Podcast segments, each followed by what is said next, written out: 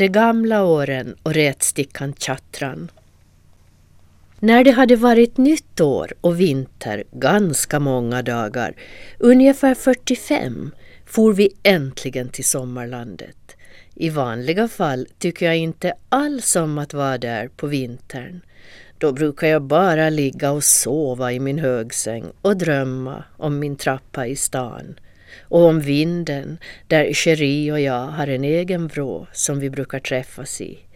Jag har fört ganska många av mina saker dit. Till exempel en taggig papiljott och en leksaksmus som piper då man knuffar på den. Det är så kallt och konstigt i sommarlandet när det är vinter. Marken är för det mesta så hård att man inte kan gräva i den. Eller så ligger det en massa snö på den. Det är inte heller roligt, för då kan man sjunka ner i en djup driva som det är kallt och vått i och svårt att komma upp ur. Det vet jag, för en gång precis utanför trappan ramlade jag ner igen och vem vet hur det skulle ha gått för mig om inte matte lyfte upp mig. Hon tyckte inte alls synd om mig, för hon bara skrattade. Jag undrar om hon skrattat om det hade varit hon som legat där och sprattlat och känt sig löjlig och lite rädd. Men det är i alla fall nästan bättre med snö än med våta gråmoln som faller ner från himlen. Då ser man knappt tassen framför sig. Ute på havet tjuter färjorna och på kobbaklintar hoar mistluren. Det låter minst som om de höll på att dö. Jag avskyr de där ljuden. De kryper under pälsen på mig och får mig att frysa. Ibland är det kallt riktigt förskräckligt. Som en natt då det var månsken. På sommaren brukar jag tycka om att vara ute då men den här natten var rena mardrömmen. Rimfrost fick jag både i morrhår och svans och tassarna blev stelfrusna. Jag måste jama mitt värsta bilåkarjam innan husse vaknade och kom och släppte in mig. Resten av natten och följande dag låg jag i min högsäng och surade och värmde mig. Och inte finns det några sorkar på vintern och inte just några fåglar heller, för de har flyttat till söderns länder. En del, som en stygg och gapig en som heter Silvertärna, kan flyga ända till Nya Zeeland. Det måste jag erkänna att det är duktigt. Men jag tycker inte om honom ändå, för han brukar dyka ner och hacka mig i huvudet så fort han ser mig, fast jag inte gjort någonting. De fåglar som finns kvar sitter bara inne i träden och burrar upp sig. Det brukar vara så slött att jag till och med längtar efter chattran fast han alltid bara bråkar och retas. Men den här gången hade jag riktigt väntat på att resa till sommarlandet fast det var vinter. Jag hade ju min kotte som jag lovat plantera. Jag hade gömt den under bokhyllan och varje dag gick jag och tittade till den. Jag oroade mig för att den skulle svälta ihjäl. Kottar äter bara mull och dricker bara regnvatten och sånt hade inte jag. Själv skulle jag säkert inte leva 45 dagar utan mat. Så det var skönt när husse kom ner med min bärstol och jag försökte inte alls smita undan utan gick och la mig i den med samma. Kotten gömde jag under filten i bärstolen. När vi kom till sommarlandet var det kolmörkt och plaskigt. Det började inte alls bra ska jag säga. Berget var svart och då är det halt, halare än vårt plåttak. Det visste jag, så jag tog ett jätteskutt ur båten. Men det svarta gick högre upp på land än jag kunde hoppa och sakta, sakta, som i en mardröm gled jag ner i vattnet. Det var iskallt och jag skrek så det ekade. Matte lyfte upp mig och bar in mig till stugan och där låg jag inne i en sovsäck hela natten och försökte glömma det iskalla vattnet och det hala berget. och jag tänkte att jag aldrig ville gå ut igen. Men jag hade ju kotten och den låg bara och väntade på att få bli planterad och jag hade ju lovat. När jag vaknade följande morgon hade jag fått varmt igen och kände mig nyter och viktig när jag tänkte på mitt ärende. Det var vått och grått ute men jag brydde mig inte alls om det. Utan iväg travade jag med kotten i mun till Stora Ljungtuvan, just på gränsen till Stora mossen. Det är mitt bästa ställe och det var där jag skulle gräva ner kotten. Det hade jag bestämt från början. För om jag var en kotte skulle jag vilja börja växa just där. Ljungtuvan såg frusen och eländig ut där den låg på kala, svarta och isiga marken. Stickig och vresig och fnasig var den. Inte alls så där lekfull som på somrarna. Då brukar den vara glad och vacker, full av ljusröda små blommor och gröna, fransiga blad. Heta, soliga eftermiddagar brukar jag ligga inne i den och fundera, för där är det lagom skuggigt och mjukt. Blommorna brukar dofta somrigt, sött på något vis, nästan som bananpuffar, men vildare och farligare. Jag kan ligga där och dåsa i timmar och tankarna och drömmarna bara trängs i skallen på mig, för de vill komma ut. Inte bara ut och lägga sig på marken och sola och sova, utan ut och flyga. Jag mindes en tanke jag fick för några somrar sedan, just när jag låg och slumrade i Ljungtuvan. Det var på den tiden det fanns en djup skog med jätteträn i vårt sommarland. Så djup och så snårig var den skogen att ingen levande varelse kunde ta sig in i den, utom uven. Och, tänkte jag, de gamla åren. Jag riktigt hickade till när jag tänkte så. Förut hade jag ju alltid funderat över vart gamla året försvinner när det nya kommer. Flera nyårsaftnar har jag försökt ta reda på det. Jag har suttit på fönsterbrädet och spanat ut i natten. Men det har alltid blivit fyrverkeri. Luften hade fyllts av dunder och brak och miljardiner eldgnistor i olika färger. Varje år hade jag försökt sitta kvar och varje år hade jag sprungit och gömt mig i badkaret. För jag hade tänkt att en eldgnista när som helst kunde komma in genom fönsterspringan och tutta eld på mig.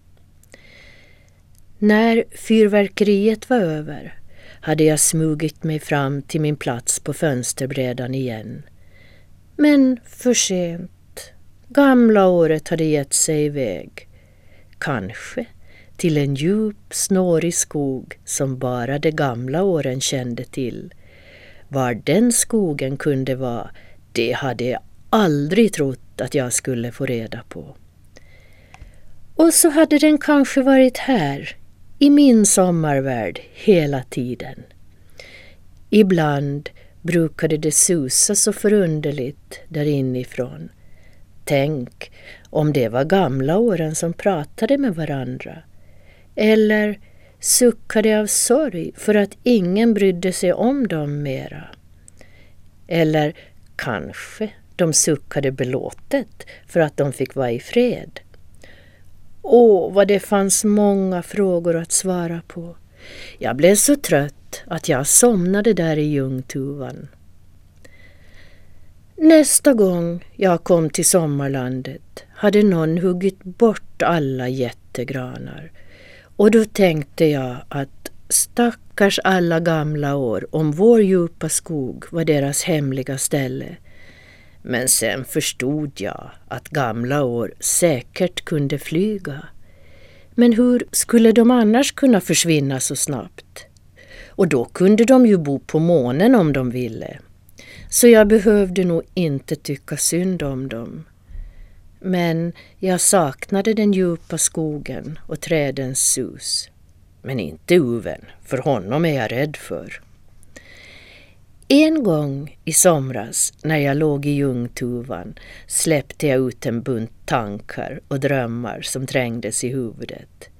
Just som de skulle ge sig av fångade jag in dem med framtassarna och så satte jag dem på papper. Det blev en dikt, just den dikten jag har i min hemliga ficka. Så här såg den ut. Dyllan är en katt så söt, Tjattran är ett nöt. Om Tjattran inte fanns, det icke rörde Dyllan i hans svans. Om Dyllan inte fanns, miste världen all sin glans. Jag tycker den dikten är skaplig trots att rytmen haltar lite på fjärde raden. Men det är nästan meningen, för det visar bara att min svans inte låter sig beskrivas med någon vanlig enkel rytm. Rimmen är fyndiga. Den där raden om att tjattran är ett nöt tycker jag speciellt om. För chattran är en ekorre. Och en ekorre äter ju nötter så man kan få tanken att den äter upp sig själv. Det skulle i så fall vara ganska rätt åt den. Nu ska jag berätta varför jag för det mesta är arg på tjattran. Det är för att han är den största retsticka som finns. En dag i somras, till exempel, då jag jagat sork i timmar utan att ha fått fatt en enda, var jag förstås både hungrig, trött, arg och ledsen. Det är bara kattligt. Men det borde ju till och med en ekorre förstå och respektera. Men tro inte. Jag låg på verandan med halvslutna ögon och försökte glömma att jag var hungrig och istället komma på något roligt att fundera på. Plötsligt satt Chatran i stora tallen framför verandan och såg lömsk ut. Jag låtsades inte märka honom. För det första var jag trött på allt och för det andra visste jag att ingenting retar honom mer än att man inte låtsas se honom. Han satt en stund och bligade på mig. Jag låtsades sova. Så började han knapra på kottar. Jag rörde mig inte.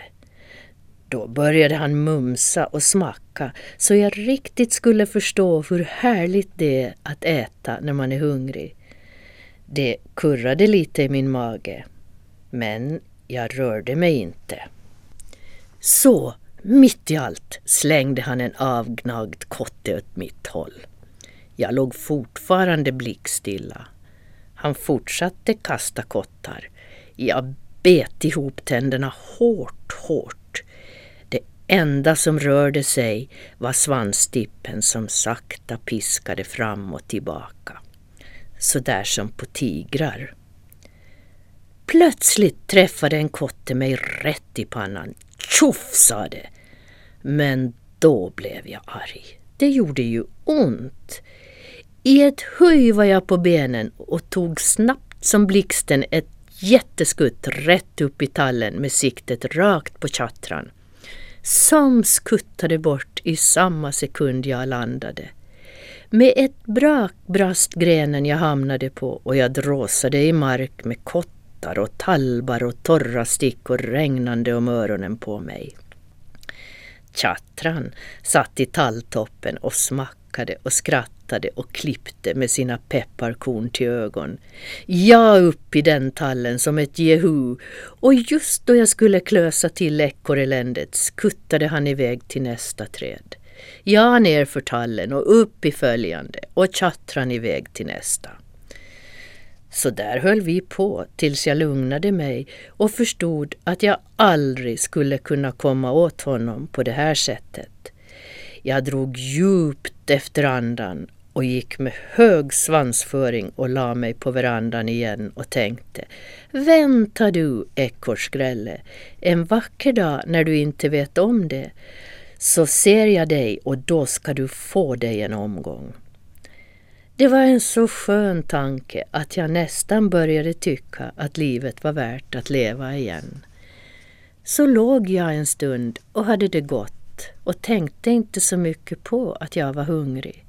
Chatran hade tydligen tröttnat på att retas, för han var försvunnen. Men så, just som jag höll på att slumra till, hörde jag ett svagt knäppande från taket. Jag tittade upp och såg någonting som hängde ner från takrännan och liksom vinkade. Så började det långsamt och knyckigt röra sig framåt längs vattenrännan. Det liknade precis en ekorrsvans. Jag smög ut på berget och tittade uppåt. Och vem tror ni jag såg om inte Chatran som med små trippande steg liksom studsade fram i min takränna. Den som går runt mitt hus. Det var hans svans som hängde ner. Han fick syn på mig och smackade lyckligt och gjorde en svepande sväng med svansen. Jag försökte allt vad jag orkade knipa ihop ögonen hårt, hårt och låtsas sova.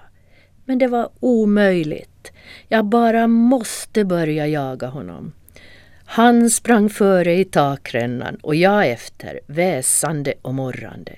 Jag sprang nere på marken, för jag är för stor för en liten pjuttränna och dessutom vet jag inte hur jag ska ta mig dit. Tjattran, han hoppar från ett träd han, hur enkelt som helst. Det kan inte jag. Men arg kan jag bli och nu var jag så arg, så arg så jag höll på att bli tokig. Och inte blev jag gladare av att tjattran smackade och skrattade. Vänta du, vänta bara ska du få se, skrek jag. Jag ska göra slarvsylta av dig. I samma ögonblick snubblade jag och ramlade ner i klyftan där stora björken står. Du, göra slarvsylta av mig? Du tror väl inte att jag är rädd för dig, lilla klumpiga kissemisse? Du kan ju inte ens fånga en sork utan måste ha syrran att göra det, tjoade Chatran och skrattade så han pep. Men lite rädd kanske han blev för han hoppade vidare och försvann med långa skrattiga skutt in i skogen. Antagligen för att berätta för sina kompisar så de alla skulle få skratta åt mig.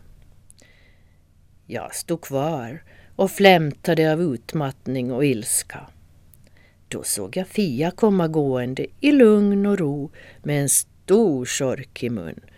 Och då blev jag så arg på henne att jag puffade till henne ovanför ena benet där jag vet att hon har ont och så slet jag sorken av henne.